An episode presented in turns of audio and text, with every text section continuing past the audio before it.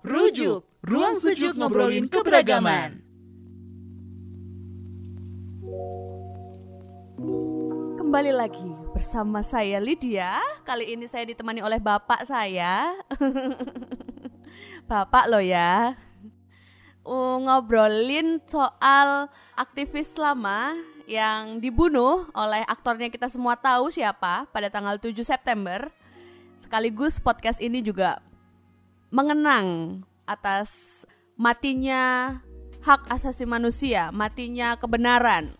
Dan kita juga mengenang September 2019 aksi reformasi di korupsi 5 mahasiswa yang meninggal. Selain kita membahas, sebenarnya kita tidak uh, spesifik membahas soal aktivisme ya, tapi lebih ke bagaimana Munir secara personal memaknai agama menjadi uh, apa namanya?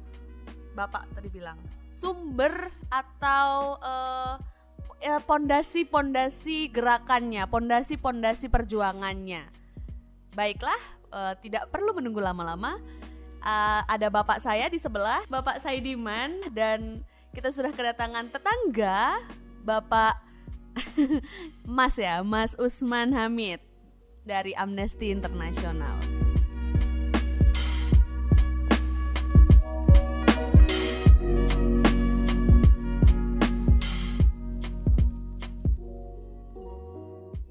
Ya kita memang akan membicarakan satu sosok yang saya kira banyak sekali orang yang kenal.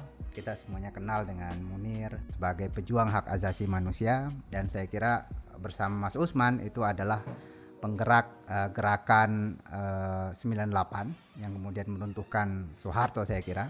Munir berjuang di sana dalam usia yang saya kira masih relatif sangat muda ya. Sudah menjadi musuh nomor satu mungkin rezim saat itu sangat ditakuti dan sampai kemudian dihilangkan diracun di udara dan uh, meninggal pada tu, 7 September ya 2004 menjelang pemilihan umum waktu itu banyak sekali uh, apa namanya uh, uh, dugaan orang ini karena politik atau karena memang perjuangannya menentang rezim dan kelompok-kelompok uh, apa namanya kekuatan diktator yang masih ada di dalam pemerintahan dan seterusnya ya. Tetapi itu aspek uh, hak asasi manusia, aspek perjuangan yang saya kira banyak sekali dibahas oleh uh, orang dan banyak sekali diketahui. Yang menarik dari Munir dan saya kira perlu kita bahas sore ini Mas Usman adalah aspek uh, agamanya, aspek Islamnya. Ini rada jarang dibahas oleh orang. Banyak yang menganggap bahwa aktivis hak asasi manusia itu itu umumnya kurang dekat dengan Islam, berasal dari kelompok katakanlah kelompok abangan disebut kiri dan seterusnya dan seterusnya gitu. Yang konotasinya itu rada jauh dari Islam. Bahkan ada tuduhan antek PKI lah komunis dan seterusnya. Nah kita ingin membahas Munir sekarang ini Mas Usman sebagai saya kira orang yang paling dekat dengan Usman eh, dengan uh, Munir Said Talib adalah uh, Usman Hamid ya sebagai sahabatnya. Bagaimana Mas Usman? Secara umum kedekatan atau bagaimana Munir menghayati keislaman ya sebagai uh, seorang aktivis. Hmm, makasih.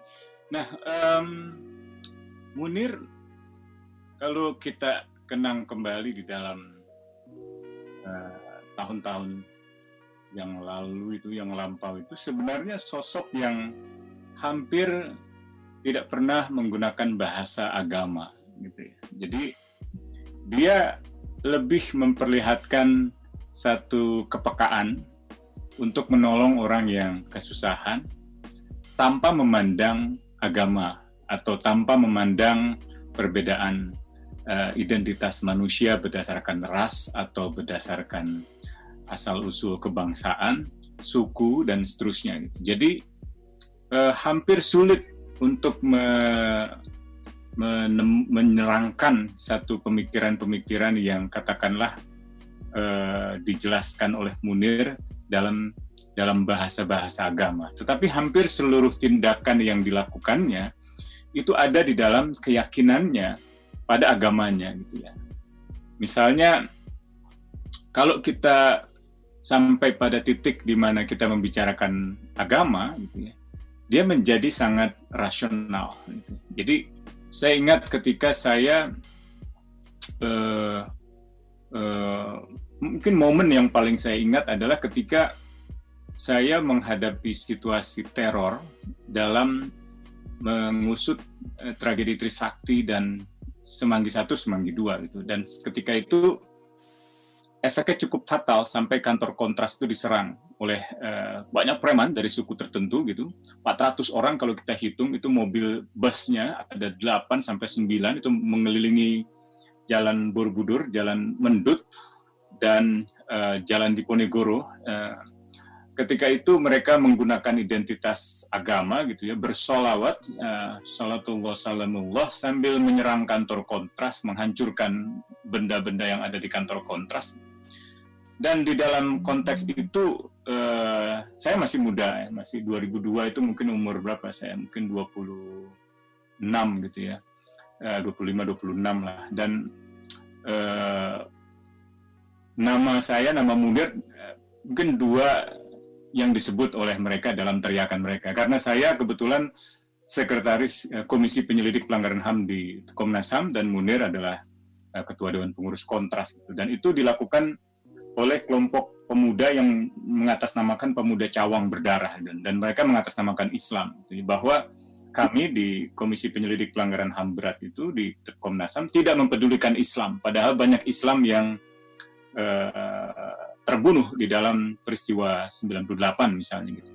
Dan benar benar seperti yang tadi dikatakan oleh uh, Bung Saidiman bahwa Munir dituduh komunis, dituduh Yahudi gitu. Nah, eskalasi teror itu sampai pada titik tertentu uh, Munir merasa saya dalam posisi yang terancam.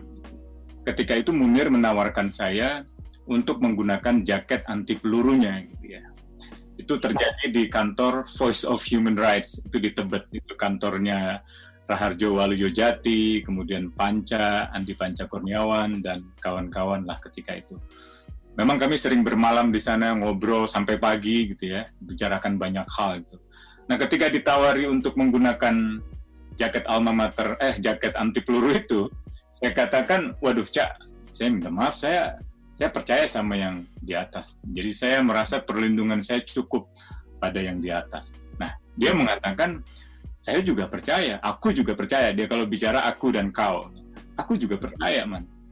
Tapi kepercayaan kita pada yang di atas itu tidak boleh mengesampingkan rasionalitas kita di dalam bertindak gitu. Jadi takdir pada kematian itu bukan sesuatu yang dipastikan karena sudah ditentukan harinya dan bagaimana nasibnya, tetapi ditentukan bagaimana kita melindungi diri kita juga di dalam uh, bertindak untuk sesuatu yang katakanlah mengandung resiko bahaya.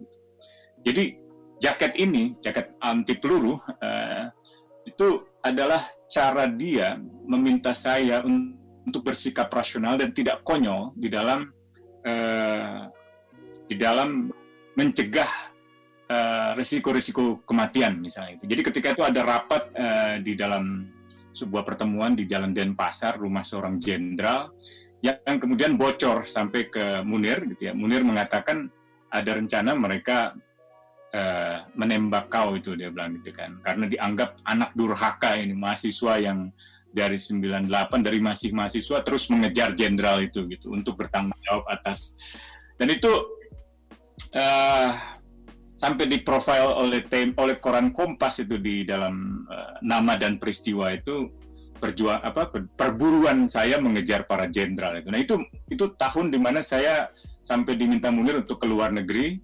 Saya ke Belanda ketika itu sambil menggantikan dia juga ke Brussels ke Belgia dan cukup lama saya mungkin satu bulan setengah diminta untuk mengasingkan diri karena ketika penyerangan itu terjadi uh, ya benar-benar itu kami sudah tidak berpikir lagi akan hidup lagi gitu. Jadi pagi itu saya beritahu kepada Munir, Cak, ini di depan banyak preman-preman uh, berkumpul ini. Kayaknya mereka mau mendemo kita di kontras karena dua hari sebelumnya mendemo saya di kantor Komnas HAM. Jadi waktu itu saya Albert Hasibuan dan Komnas HAM itu. Bahkan ketika itu kami cukup kesulitan karena kebetulan ketua Komisi Penyelidik Pelanggaran HAM untuk Trisakti Semanggi Pak Albert itu kan non Muslim gitu. Sementara Sekjen Komnas HAM yang sangat dekat dengan kami juga non Muslim gitu. Jadi uh, tapi Pak Asmara waktu itu Bang As ya sangat sangat berani. Ayo man, aku temani. Akhirnya kami kami ditemani dan waktu kami disandera oleh uh, mereka mengaku uh, pemuda cawang berdarah dan uh, Front Eksponen 98. Saya lihat ada satu dua orang yang memang betul aktivis 98 tapi buat saya broker aja gitu. Orang-orang yang sering uh, apa mencari keuntungan politik untuk dirinya sendiri aja, mencari uang dan seterusnya dengan cara uh, menggantungkan diri pada eh, kelompok-kelompok uh, pro orde baru gitu. Nah, momen lainnya adalah ketika sampai pada satu titik di mana Munir menyatakan bahwa seluruh yang kita lakukan itu sebenarnya uh, bagian dari apa yang dia ikhtiarkan di dalam salatnya itu di dalam uh, dalam niat uh, ibadahnya itu. Jadi ketika dia mengatakan dia dia bilang kira-kira seluruh perbuatan kita itu akan dipertanggungjawabkan pada sang kebenaran. Nah, sang kebenaran itu yang kita sebut-sebut di dalam sembahyang. Jadi inna salati wa nusuki wa mahyaya wa mamati lillahi rabbil alamin. Nah, itu sesuatu yang buat dia itu sangat sakral gitu. Jadi sesungguhnya sholat kita gitu ya hidup kita mati kita gitu seluruhnya itu memang diabdikan untuk sang kebenaran. Gitu. jadi dia menampilkannya semacam itu. Ya sebagai satu deklarasi bisa dibilang. Dan kalau itu tidak kita maknai tidak kita resapi sebenarnya sholat kita nggak ada artinya. Jadi eh, untuk apa kita menghadap pada sang kebenaran uh, ketika di sisa waktu yang tersisa lainnya kita justru mengkhianati kebenaran itu gitu. Jadi um, ya, um, ya itu menarik sekali uh, Mas Usman. Jadi uh, kalau bisa saya simpulkan bahwa mungkin apa ya praduga sementara banyak orang selama ini yang menganggap bahwa kelompok-kelompok atau munir lah secara khusus itu berjarak dari Islam. Tapi kalau dengar cerita ini saya juga pernah pernah baca ini dalam satu wawancara dengan Ulil Absar Abdallah di Hutan Kayu ya. Ada uh, Munir dengan Mas Ulil bicara soal itu bahwa dalam sholat yang lima kali sehari itu itu itu berisi tentang deklarasi-deklarasi inna sholati wa nusuki wa mahyaya wa mamati dan seterusnya itu uh, itu deklarasi dan sangat uh, tidak pantas kalau deklarasi itu deklarasi tentang kehidupan kematian dan seterusnya itu diisi dengan korupsi misalnya atau dengan uh, melanggar hak asasi uh, manusia yang lain. Nah saya ingin kembali sedikit ke tadi uh, ketika Mas Usman ditawari apa namanya rompi anti peluru itu dan kemudian sepertinya Munir ingin mengatakan bahwa berislam itu perlu rasionalitas bahwa kita tidak perlu mempertentangkan antara bersikap rasional dan menjadi muslim karena Islam pada dasarnya rasional begitu nggak sih kira-kira tafsirannya? Oh iya, iya betul sekali. Sebenarnya ketika itu saya punya sedikit gesekan dengan Munir di di dalam konteks beragama. Saya tuh masih muda, masih masih culun ya bisa dibilang di karena saya datang dari Trisakti di mana saya ya saya tergolong pengurus rohis lah di kampus itu. Kebetulan saya memang bertemu Munir dalam konteks memperjuangkan penembakan mahasiswa di di Trisakti. Gitu. Jadi banyak sekali dasar-dasar uh, berpikir kami itu yang sering kali kami perdebatkan gitu.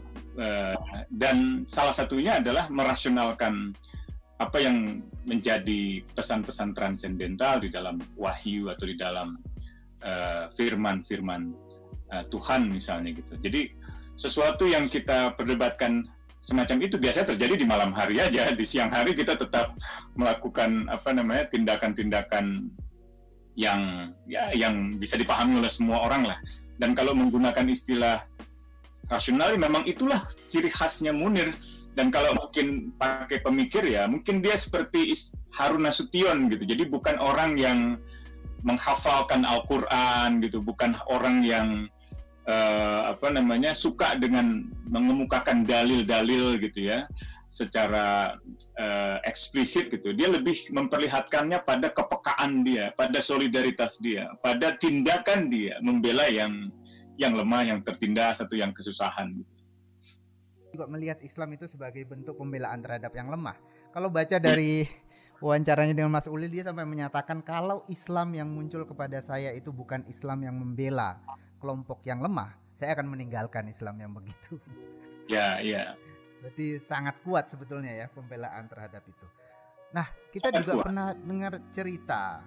Saya kira Mas Hamid ya yang menulis tentang cerita awal uh, aktivisme Munir. Dalam tulisan Hamid Basyaib dia menyatakan bahwa sebelumnya Munir ini aktivis Islam ekstrim sebetulnya. Keras begitu. Ke mana-mana di dalam tasnya bawa golok dan seterusnya karena dia menganggap bahwa di mana-mana ini ada musuh Islam yang kapan-kapan saja bisa menyerang kita sebagai aktivis Muslim begitu. Mungkin Mas Usman pernah dengar cerita itu. Dan kalau dengar tadi Mas Usman sepertinya punya pengalaman yang mirip tentang itu. Perjalanan awal karir aktivisme. Ya, ya itu kebetulan Mas Hamid itu kan menulis malam itu malam Selasa itu. Jadi Senin pagi saya sudah menulis di Indonesia at Melbourne tentang cerita yang sama itu. Jadi dalam tulisan di Indonesia at Melbourne itu saya ulangi lagi satu kisah Munir mengalami ekstremitas di dalam beragama. Ya. Salah satunya adalah ketika dia tumbuh di dalam aktivisme Islam di kalangan kampus dan tahun 80-an pertengahan itu hampir seluruh kampus mengalami semacam radikalisasi khususnya kalangan aktivis Islam. Kalau saya mungkin di 90-an ketika kami dicekoki oleh Eh, pikiran-pikiran uh, dari apa namanya dari uh, Ikhwanul Muslimin atau misalnya film-film pembantaian di Bosnia gitu ya. Jadi Munir uh, konteksnya lebih di tahun 80-an di mana proses depolitisasi masyarakat uh, rakyat gitu untuk tidak berpolitik itu diikuti dengan uh, represi terhadap kalangan Islam melalui pemberlakuan Pancasila sebagai azas tunggal, sebagai satu-satunya azas tunggal.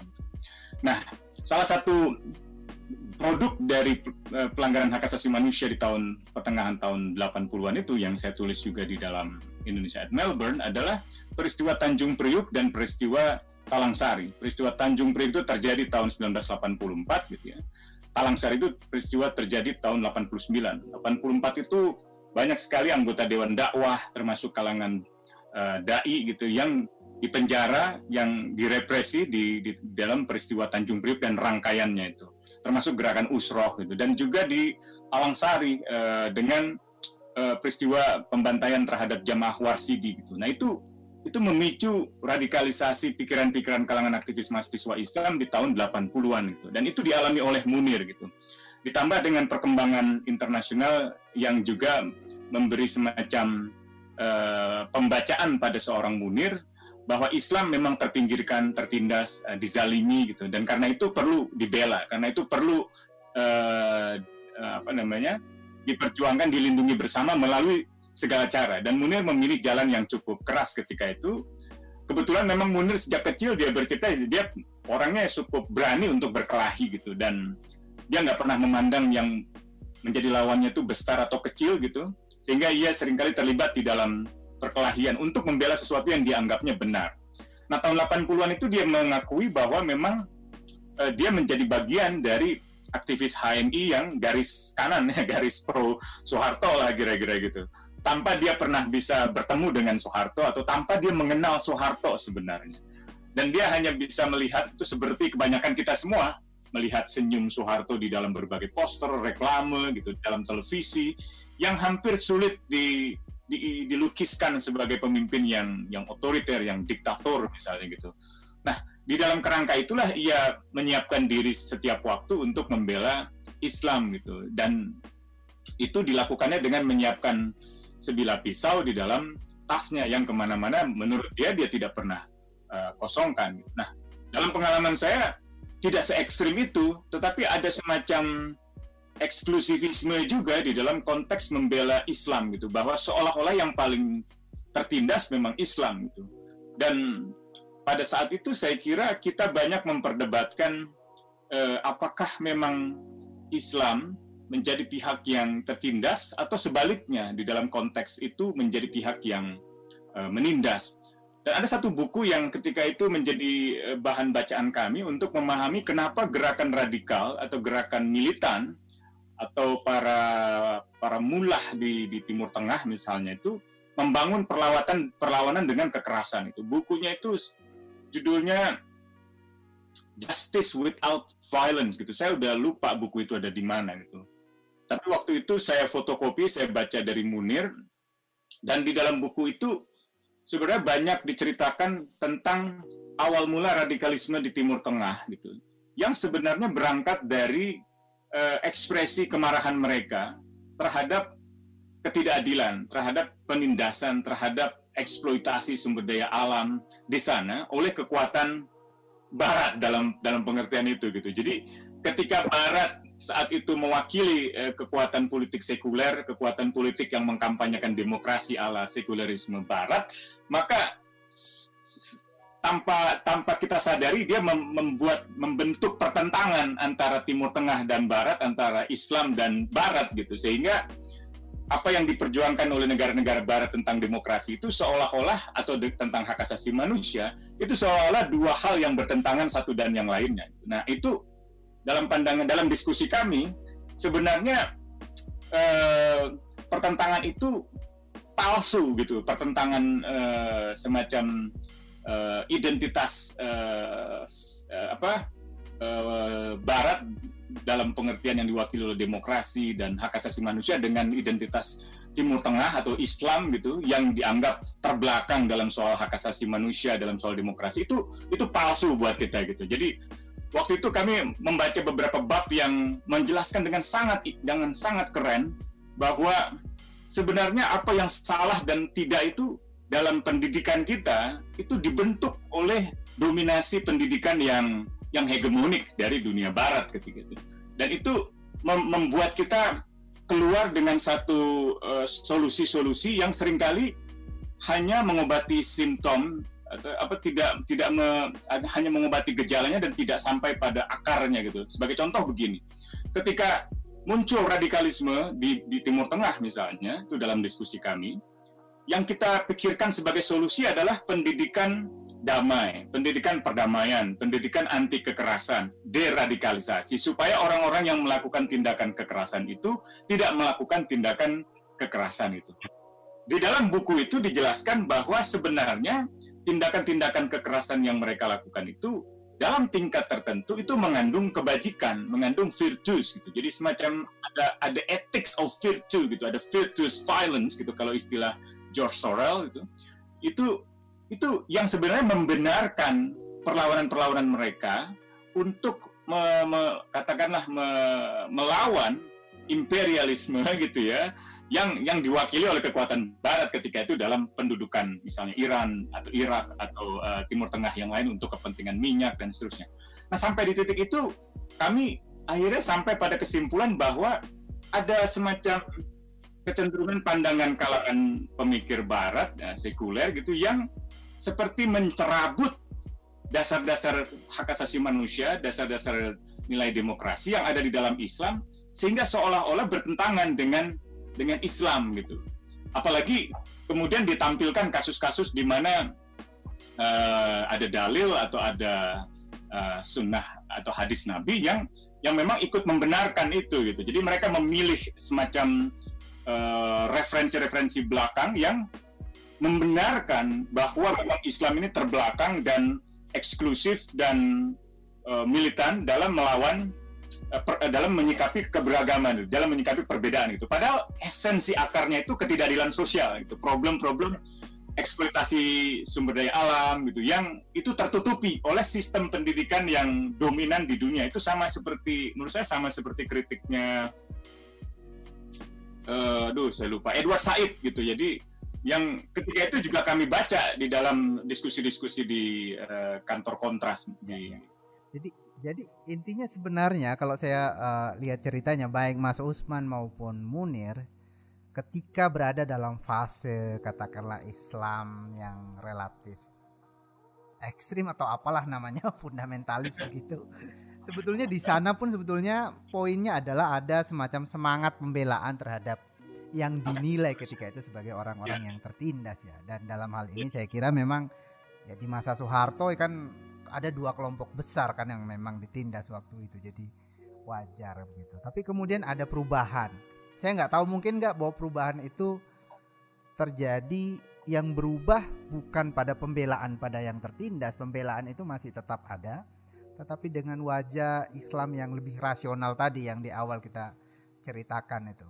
Ya saya nggak tahu apa yang momen apa yang kemudian mengubah itu dari pembelaan yang tertindas dengan cara yang lebih ekstrim gitu, eksklusif di dalam keagamaan, kemudian tetap membela yang tertindas tetapi dengan beragama yang lebih terbuka dan ya. pluralis ya, atau bahkan liberal mungkin ya. Jadi itu tahun 98 saya itu mengalami kegelisahan karena sebagai mahasiswa, saya waktu itu ketua senat mahasiswa 9 apa eh, Fakultas Hukum di 98 99, kami itu kan dituduh sebagai basis kampus Kristen. Secara historis ada benarnya gitu karena itu dulu kampus milik Baperki gitu ya. Um, kalangan Tionghoa yang ketika itu dianggap kiri, dianggap pro komunis dan tahun 60-an itu kampus kami Trisakti itu kan dibakar gitu karena dianggap basis kampusnya komunis gitu. Tetapi setelah itu memang sulit untuk di, di, dihindari bahwa dominasi mahasiswa yang ada di kampus Trisakti itu kebanyakan misalnya non Muslim atau Tionghoa gitu. Tetapi di tahun di mana saya merasa uh, resah tadi itu kami nih para pemimpin mahasiswanya itu rata-rata rohis gitu ya. Misalnya uh, ketua senat uh, teknologi teknik industri gitu itu Bambang Lukmanul Hakim. Itu ketua rohis teknik industri FTI gitu. Saya ketua studi pendalaman Islam di Fakultas Hukum. Lalu juru bicara kami Gunawan itu ketua UKM Huzaifah itu ketua rohis universitas gitu. Sementara misalnya ketua senat uh, apa namanya Fakultas Ekonomi yang masanya paling besar itu orang Arab, itu keluarga Sungkar gitu, Lukman Sungkar. Jadi kami merasa heran ketika beredar semacam pamflet di Jumatan gitu di berbagai uh, acara Jumatan termasuk di Wali Kota Jakarta Barat, di kampus uh, Trisakti, di bahkan di di masjid-masjid di daerah Jakarta Pusat itu beredar sekali surat-surat yang menjelaskan bahwa kami itu menolak Soeharto, menolak Habibie karena kami anti Islam gitu. Jadi dan cara mereka menyederhanakan itu adalah dengan memperlihatkan foto-foto Soeharto ketika mengumpulkan tokoh-tokoh Islam gitu menjelang ke, uh, akhir kekuasaannya gitu atau ketika uh, Habibie dijelaskan sebagai sosok yang mewakili Ikatan Cendikiawan Muslim Indonesia ICMI gitu. Nah, kami ini itu menolak Habibie itu dianggap berarti menolak kepemimpinan Islam gitu. Dan apalagi karena kami sering berkumpul di kampus non Islam yaitu di Atmajaya gitu ya di di apa kampus Katolik gitu.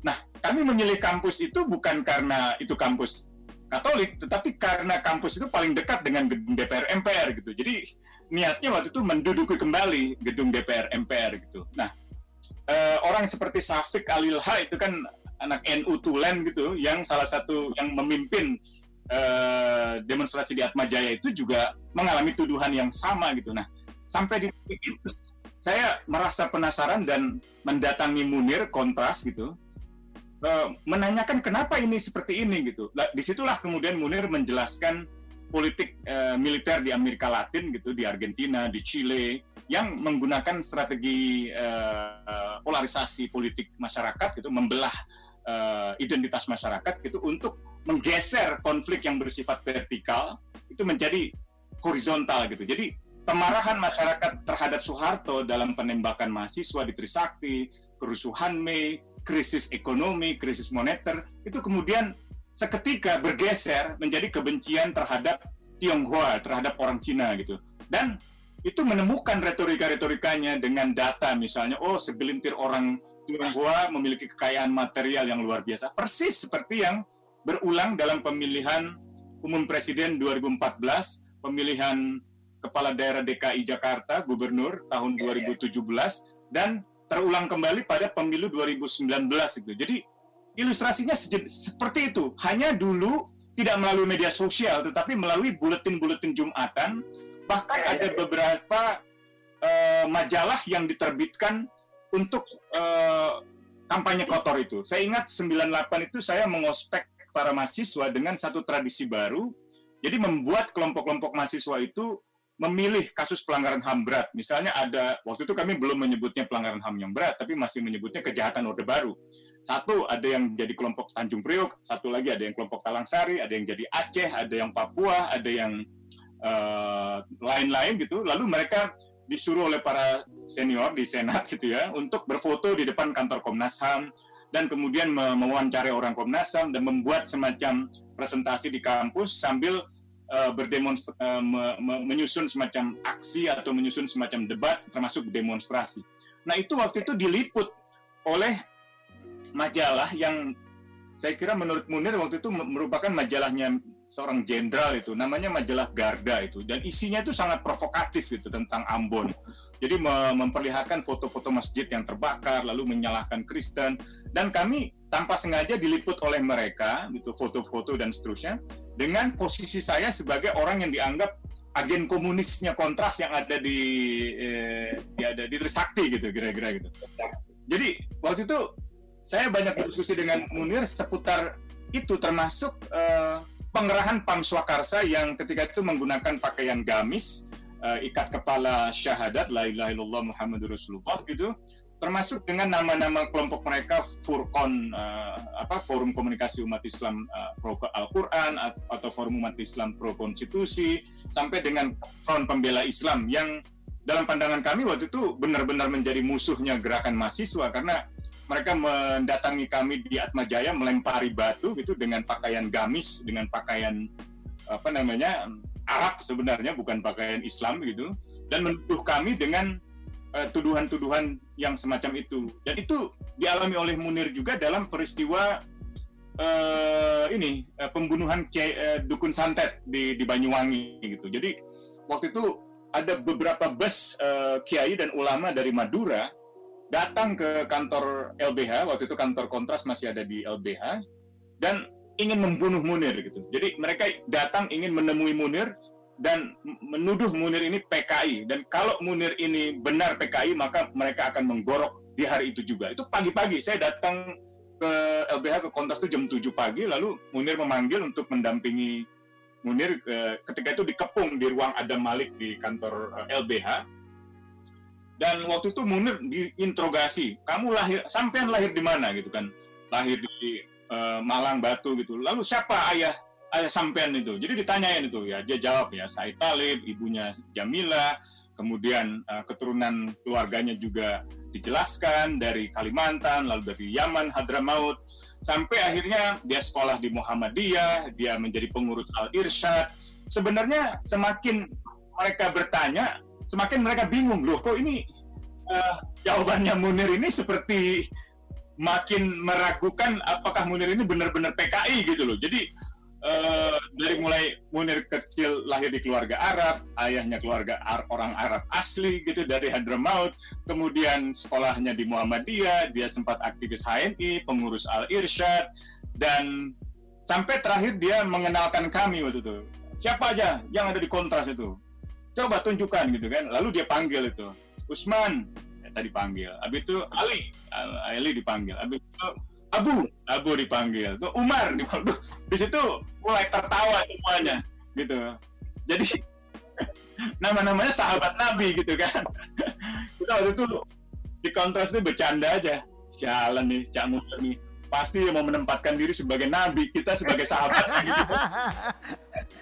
Oke itu itu cerita yang sangat menarik. Saya juga pernah dengar cerita itu, sangat menarik. Intinya adalah bahwa penggunaan simbol-simbol Islam untuk mendukung penindasan lah dalam tanda kutip saya kira kalau boleh saya simpulkan itu mungkin yang mengubah ya.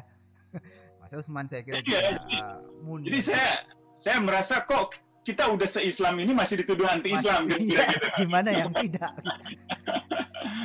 Oke. Okay. Lydia, saya kira menarik sekali. Gimana, Lid? Uh, waktu kejadian itu saya kayaknya masih kecil banget ya. Sudah lahir 96, terus baru masuk SD kan jadi masih yang bingung-bingung nih ada konflik apa nih masuk berita segala macem. Uh, jadi banyak ya yang bisa diambil karena biasanya aktivis-aktivis ini hanya tahu uh, tidak mendalam gitu tentang uh, bagaimana posisi beragamanya Munir dan sejarah-sejarahnya gitu. Mereka hanya tahu uh, bahwa Munir ini aktivis dan uh, dibunuh gitu oleh tidak tahu. Takut.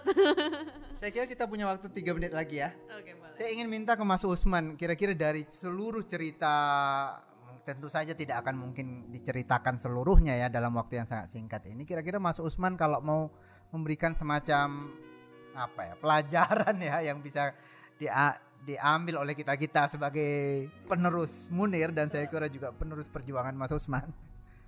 Apa kira-kira yang bisa kita petik? Apa pesan utama yang bisa kita lihat dari sana? Uh, kepekaan ya, kepada orang lain yang mengalami kesusahan gitu ya. Saya sebenarnya nggak enak nih ngomong sama Mas Saidiman ini karena justru saya belajar tentang kepekaan juga dari Mas Saidiman ini. Saya waktu kedinginan di Australia itu didatangi, ditemani dan diantarkan setangkai anggur gitu untuk uh, makan uh, dan jadi orang kan sering merasa terasing, teralienasi gitu ya, merasa sering terdominasi, merasa sering terrepresi gitu. Dan sering kali di dalam situasi-situasi itu uh, tidak banyak orang yang berani mengambil pilihan untuk membela gitu. Dan kadang-kadang orang punya kepekaan untuk membela, memberi solidaritas, tapi sering melakukan kalkulasinya berdasarkan agama. Namun tidak seperti itu. Dia selalu mengatakan kalau ada orang terjatuh, tergeletak di jalan, ya kita harus segera tolong dia. Tanpa harus kita periksa KTP-nya agamanya Islam atau bukan. Sama halnya ketika kita masuk ke pabrik ada buruh yang terluka, itu kita harus tolong segera tanpa harus memikirkan apakah per perbuatan kita itu sesuai dengan Al-Qur'an atau sesuai dengan kitab suci Injil misalnya gitu. Jadi dalam situasi-situasi semacam itu saya saya merasa bahwa Munir tidak sedang mengajarkan kita pada apa namanya menghafal dalil-dalil Al-Qur'an atau uh, sembahyang bahkan bisa dibilang kalau sembahyang masih lebih disiplin saya lah uh, untuk soal apa namanya tepatan waktu gitu ya. Kalau di LBH saat itu di kontras itu saya Bambang Wijoyanto itu termasuk uh, paling uh, penuh lah absennya. Yang jarang itu ya Munarman misalnya gitu. Itu jarang banget tuh untuk untuk jarang sholat maksudnya. Oh hampir nggak pernah. Nah itu itu banyak orang yang saya kira di masa itu uh, belajar satu dengan yang lainnya untuk uh, apa ya namanya kalau istilah munir ketika itu apa yang kita lakukan sepanjang hari itu sebenarnya kalau kita kembali pada deklarasi pada sang kebenaran itu seluruhnya untuk untuk untuk sang kebenaran itu. Jadi kadang-kadang kami harus pergi jauh kan di tengah kota yang sangat padat dan macet gitu misalnya ke Marunda mengunjungi ibu Tuti Koto gitu pulangnya lewat maghrib sampai kantor Isya udah lewat itu buat mungkin nggak terlalu masalah gitu. buat saya tuh merasa berdosa karena saya dididik di keluarga itu nggak boleh meninggalkan sholat itu sampai ke ke waktu sholat berikutnya itu itu saya kayak aduh ini kok maghrib sampai lewat gitu kan Eh, dan kita nggak bisa berbuat apa-apa karena saya nyupir bawa keluarga korban dan dan saat itu uh, sulitlah situasinya gitu. Dan Munir dengan enteng saja dia mengatakan bahwa pada esensinya itu apa yang kita nyatakan di dalam salat itu ya uh, untuk manusia gitu, untuk ber, berjanji pada yang menciptakan manusia untuk memuliakan martabat manusia itu dengan tindakan kita pengorbanan kita, kepekaan kita, solidaritas kita pada mereka yang membutuhkan uh, pertolongan kita gitu. Dan pernah suatu waktu saya Munir dan Gus Dur. Jadi kita ngobrol di PBNU, ngobrol tentang macam-macam, tentang waktu itu kalau nggak salah mungkin tentang uh, pelanggaran hak asasi manusia di Aceh, di Ambon gitu ya, uh, banyak lah gitu. Dan itu masuk waktu Jumat, kami masih ngobrol gitu. Sampai lewat Jumat kami masih ngobrol. Terus saya bilang sama Gus Dur mencamunin Gus ya ini udah lewat sholat Jumat nih kita nih. Gimana? Ya Gus Dur dengan enteng juga menjawab ya nggak apa-apa ya orang kita ini juga bagian dari ibadah gitu dan dan itu saya merasa oh iya ya saya bukan mau mengatakan sholat itu tidak penting dan saya yakin Gus Dur dan Munir tidak sedang mengatakan itu juga tetapi saat itu kita sedang membicarakan satu kelompok masyarakat yang sedang membutuhkan pertolongan gitu, tertindas lah. Dan untuk itu Islam ada gitu. Untuk itu Muhammad diturunkan gitu atau firman-firman Tuhan itu diturunkan untuk kita melindungi manusia itu, menjaga martabat manusia gitu. Sampai pada titik itu menurut menurut saya membuat saya juga menjadi ikut uh, rasional gitu uh, di dalam di dalam uh, menjalani apa yang kita yakini sebagai agama gitu tanpa harus mempertentangkan simbol-simbol keagamaan gitu di dalam di dalam apa namanya di dalam interaksi antara manusia itu. Siap siap siap. Saya jadi saksi itu lead uh, Mas Usman ini. saya merasa bahwa Mas Usman, saya santri sebetulnya berasal dari pendidikan Islam tapi tidak sesoleh dia. Soleh. Saya membenarkan itu dan benar-benar merasakan. Intinya adalah bahwa Islam itu menurut Munir juga menurut Mas Usman adalah adalah satu agama yang pada dasarnya kalau kita peras-peras intinya di dalamnya itu adalah pembelaan terhadap mereka yang tertindas, mereka yang terpinggirkan saya kira ya. Terima kasih banyak. Terima kasih. Terima kasih sama-sama Lydia, Ediman. Iya kita akan ketemu lagi pada uh, podcast podcast berikutnya uh, bersama tetangga-tetangga yang tidak kalah uh, menarik nih gosip-gosipnya dan apa namanya pembelajaran pembelajarannya karena kalau ngomongin soal agama saya sendiri juga dari pesantren dan merasa sangat bersalah nih kalau uh, mendengar uh, pengakuannya Bang Usman ya dulu berhijab kan sekarang merah rambutnya. oh ada satu lagi tuh dulu Munir kalau Jumatan itu sering diikuti banyak orang. Ah. Sampai orang itu ragu, Pak Munir ya? Pak Munir ya gitu kan. Gila. Munir kan ya dengan cengar sambil cengar-cengir aja akhirnya kami yang menjawab kan, iya betul Pak Munir. Pak Munir yang di TV itu, iya betul. Loh, kirain Yahudi gitu kan. Jadi ada namanya Munir Said Talib. iya, tapi memang saat itu Munir selalu tampil dengan satu nama tunggal, dengan Munir saja. Jadi eh, nama Said Talib itu baru kita populerkan itu setelah ia dibunuh itu gitu. Karena waktu itu eh, banyak eh, propaganda di kalangan elit-elit eh, ormas agama yang kemudian mengingatkan kepada kami bahwa apa Usman gitu. Ente harus hati-hati ini ada beberapa jenderal yang keliling ke tempat kami ini lalu menjelaskan bahwa kontras itu dan ente semuanya itu lagi menjelek-jelekan jenderal muslim gitu. Jadi ente coba deh cari cara gitu kan. Terus ketika kami ke pesantren juga berkali-kali diingatkan, antum terlambat Usman gitu karena mereka udah datang berkali-kali ke kami bahkan nyumbang gitu kan. Jadi eh, saat itu kami merasa bahwa eh, perlu untuk memastikan sejak awal bahwa Munir ini eh, tidak kalah Islami lah dengan mereka yang mengatakan dirinya Islam gitu. Dengan yaitu menggunakan nama Said Talib itu. Bahkan ketika membuat buku pertama uh, tentang pembunuhan Munir itu saya meminta kata pengantar dari Buya Ma'arif gitu. Dan waktu itu judul pengantar dari Buya Ma'arif itu adalah uh, uh, Munir adalah duta universal Islam gitu. Jadi uh, itu untuk untuk untuk benteng gitu dan itu pernah kami alami ketika melakukan pembedahan buku di Universitas Muhammadiyah Surakarta kebetulan dekannya memberi pengantar lalu menjelaskan saya ini aktivis muslim seperti Munir, saya sama-sama Munir dan saya mengenal Munir, tetapi yang membedakan saya dengan Munir adalah Munir tidak pernah membela Islam. Wah, kita kaget semua gitu kan waktu itu. Uh, dan Munir tidak pernah membela militer. Wah, kami semakin kaget gitu. Jadi kebetulan pembicaranya ada uh, Nur Syahbani Kaca Sungkana dan ada Andi Wijayanto Lalu kami berbagi tugas, Andi Wijayanto mematahkan argumen bahwa Munir itu anti militer dengan menjelaskan Munir membela prajurit yang disandera di Gerakan Aceh Merdeka atau keluarga yang dikambing hitamkan karena kasus penculikan.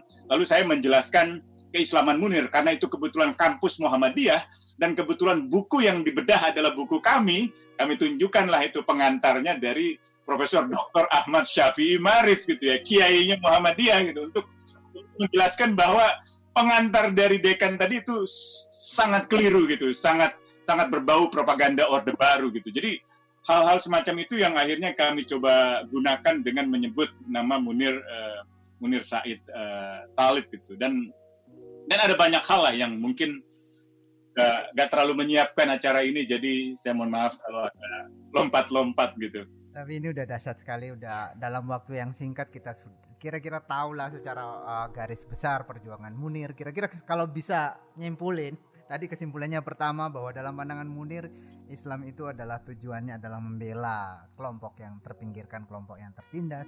Yang kedua, kita juga bisa menyimpulkan dari cerita ini ternyata Munir juga Mas Usman dan saya kira beberapa uh, aktivis HAM yang lain yang selama ini dituding jarak dengan agama kalau kita lihat nampaknya justru agama itu mungkin menjadi sumber inspirasi pertama dalam perjuangan.